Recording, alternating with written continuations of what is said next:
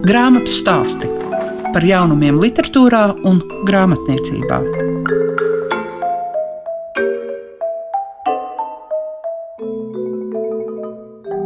Sveiciens ikvienam, kurš šobrīd klausās programmu Klasika un raidījumu grāmatu stāsti.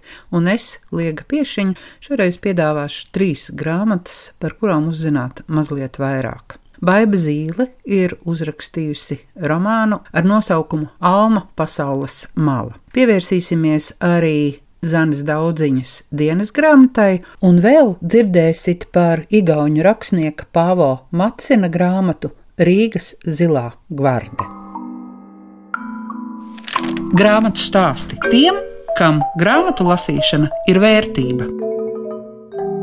Šīs dienas grāmatu stāstos jūs varēsiet dzirdēt Baibu Zīli. Viņas jaunākais darbs, romāns Alma pasaules mala, Man liekas, ir tāda grāmata, kas aizrauja gan tos, kuriem patīk detektīvi, aizrauja tādus, kuriem patīk mīlestības romāni, un arī tādus, kas mēģina saprast šī brīža situāciju un attiecības, kad mēs it kā varam iegūt un apgūt visu pasauli, bet arī atrast kaut kādas un saprast kaut kādas likumsakarības.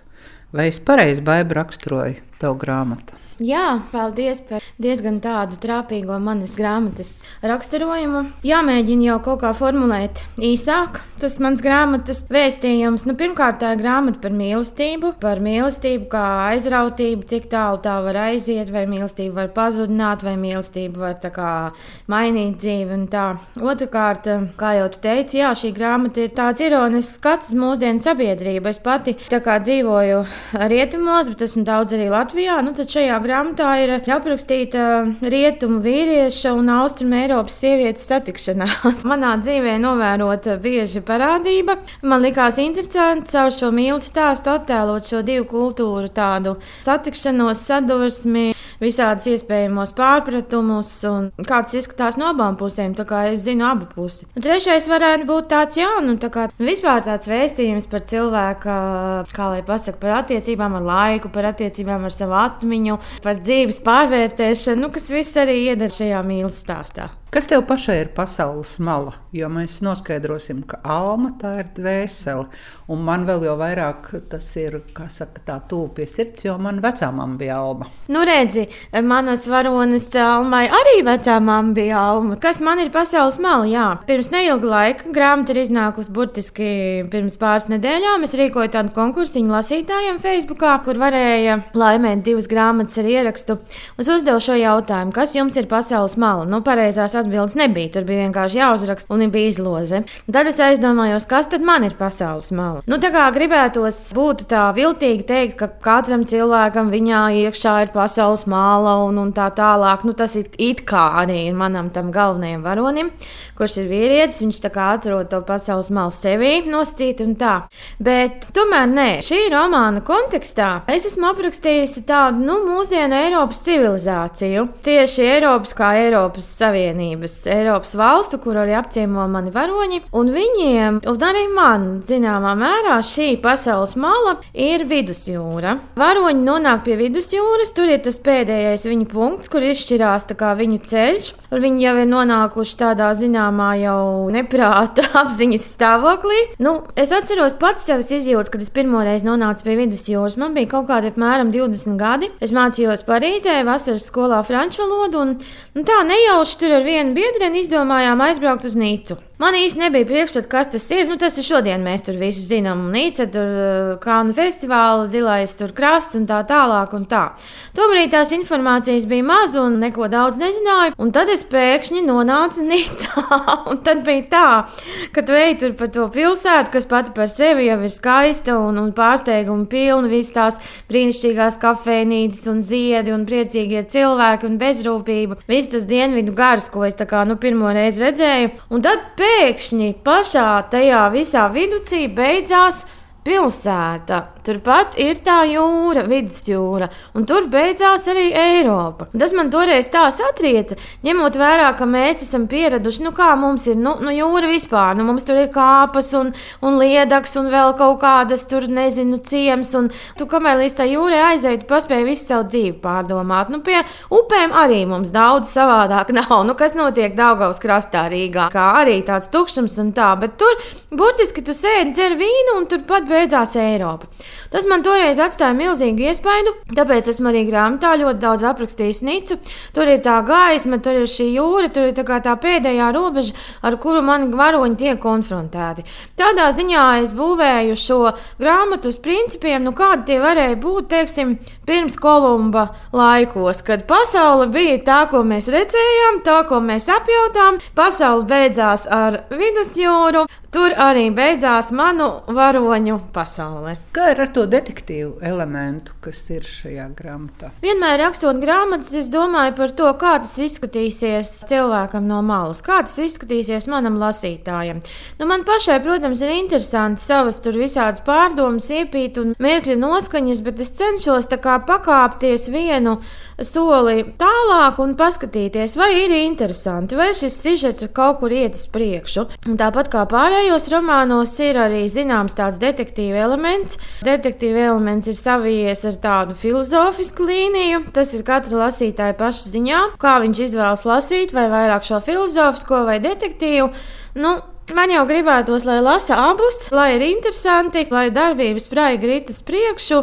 Tajā laikā, kad Parīzes Dienvidas katedrāle dega un kad notika šīs pārunas par to, ko tas nozīmē vispār par šo nelaimi, tās apjomu, kādā no tekstiem parādījās atziņa, ka rietumu pasaule ir sabrukusi, ka šī nelaime faktiski iezīmē jaunas pasaules sākumu citādas pasaules sākumu.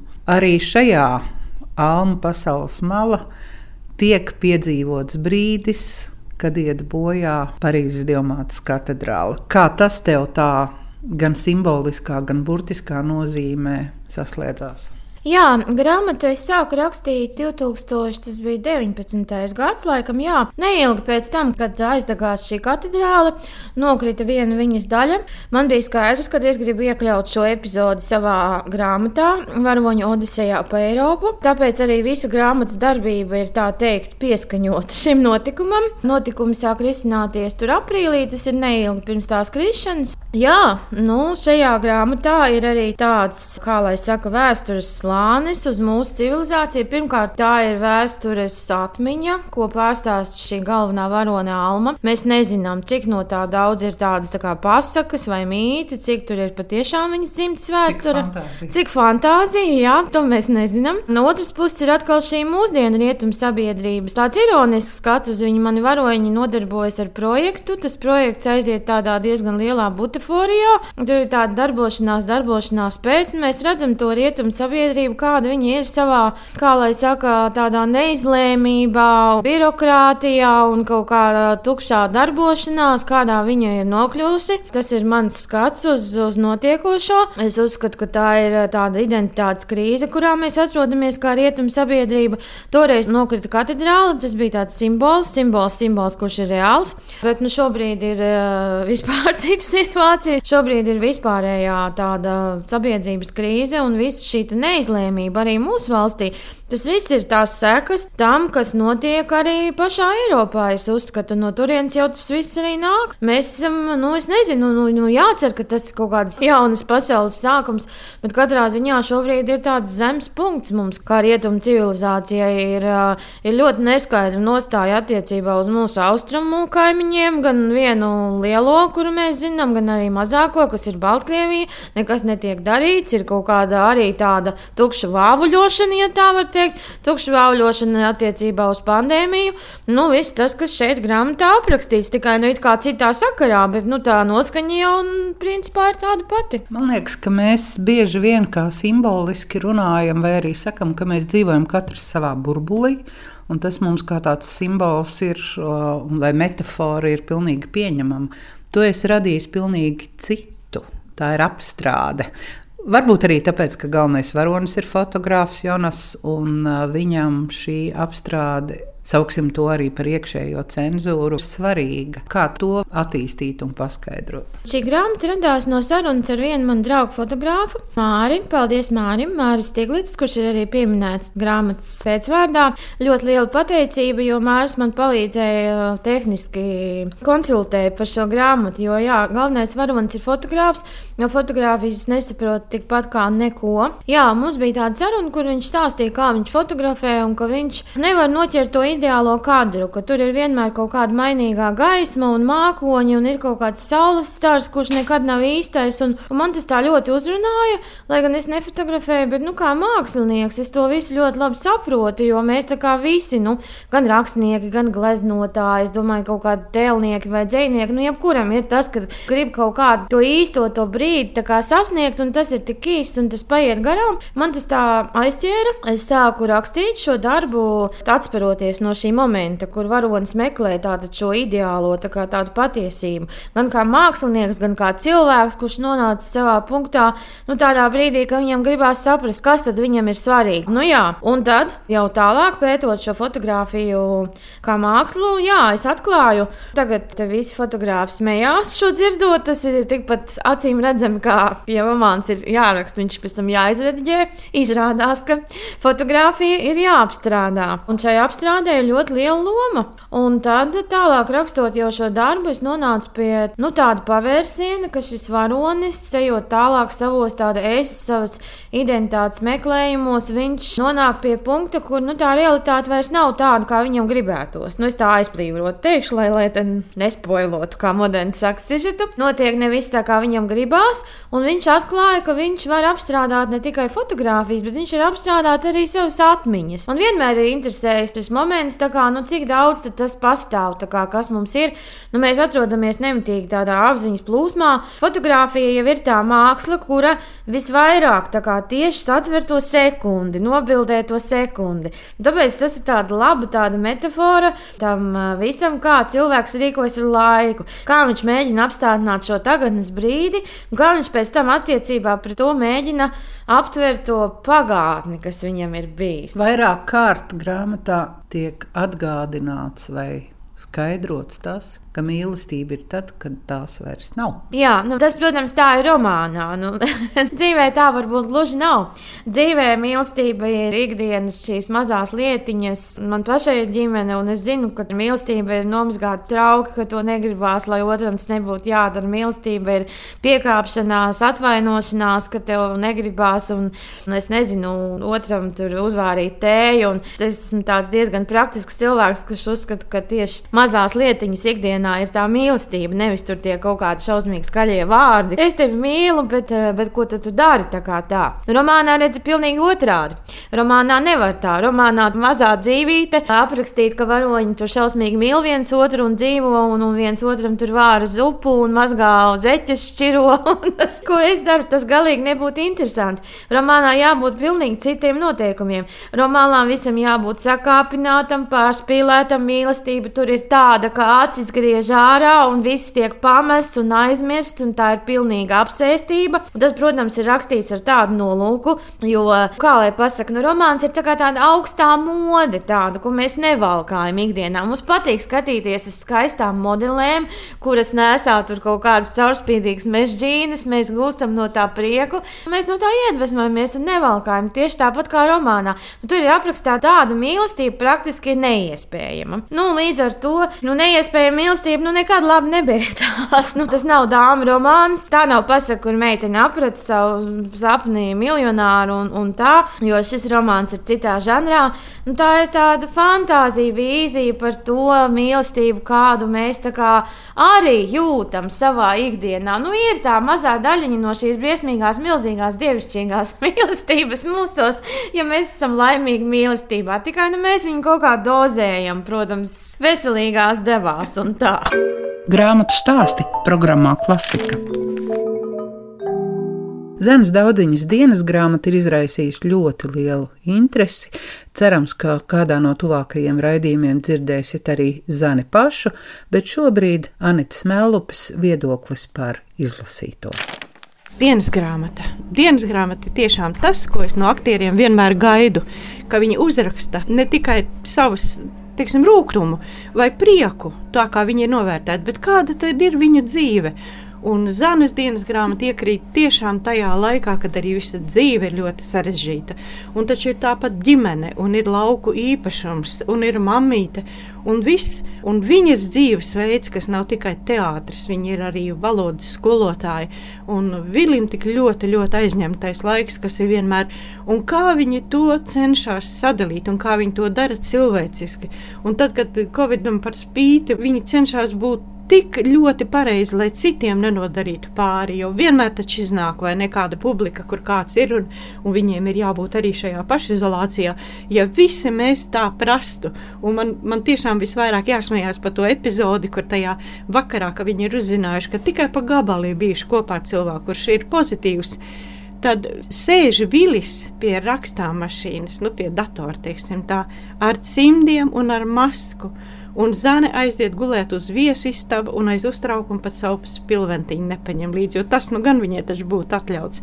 Tā ka šī atbildība un par ģimeni un par dēliem, kuri gan mācās, gan strādā, es domāju, ka tur ir tik liela sirsnība un arī par tām pirmizrādēm. Tieši tajā laikā ir pirmizrādes, ko mēs redzējām arī Latvijā, daudziem mums laimējos vēl redzēt, un es to izrādi redzēju Valmieras kultūras namā, milzīgā šķūnī. Tā ir izrāde, sieviete kā konfekte.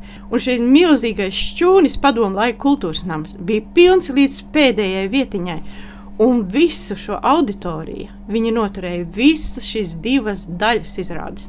Tas bija vienkārši fantastiski. Tik daudz optimisma, tik daudz enerģijas. Es tiešām tos nosaucu par zemes daudziņas dzīvajiem vitamīniem. To, ko viens cilvēks spēja dot citiem. Un grāmata ir tieši tāda pati. Vai tu tici tam, ka viņa pirms tam neko nav rakstījusi? Nē, es ticu, tāpēc, ka, ja man nebūtu aktieru likteņu stāstu, kuros ir 225 cilvēki, un lielākā daļa vispār neviens neko nebija rakstījuši, un ka viņi saprata, ka viņiem nav jāgaida uz kritiķi, kad mēs pavērām šos vārtus, likteņu stāstu sēriju 91. gadā un 2001. gadā beidzām 225 aktieri parādīja, ka viņi spēja rakstīt. Un Lilija Zene vēl te nosauc šo sēriju, ka tā ir sērija, kādas otras pasaulē nebūs. Es domāju, ka viņi zina, ko viņi saka. Tā kā tas man nepārsteidza. Nu, protams, ka viņai bija vēl ārprātīgāk sevi jāorganizē, no rītiem jāceļās, tā kā visi vēl staipās vai guļ vienalga vai tie lauki vai pilsēta.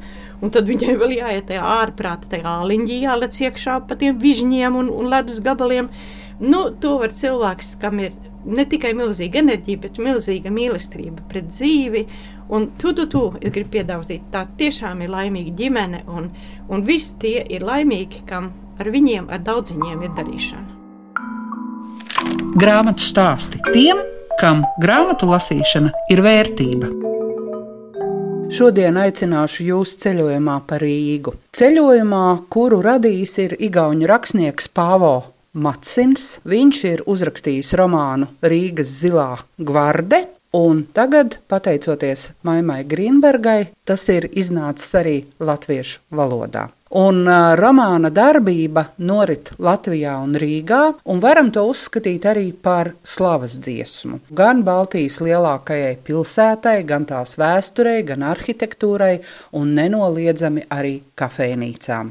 Atgādināšu, ka Zilā gvarde bija rīdzinieku brīvprātīga militāra vienība gan 18. gadsimtā, un tās uzdevums bija aizsargāt pilsētas godājamākos pilsoņus. Tā ir rakstīts kādā no Rīgas ceļvežiem. Arī šo grāmatu mēs varam uzskatīt par ceļvedi, kurš rosina aplūkot Rīgu gan dažādos laikos.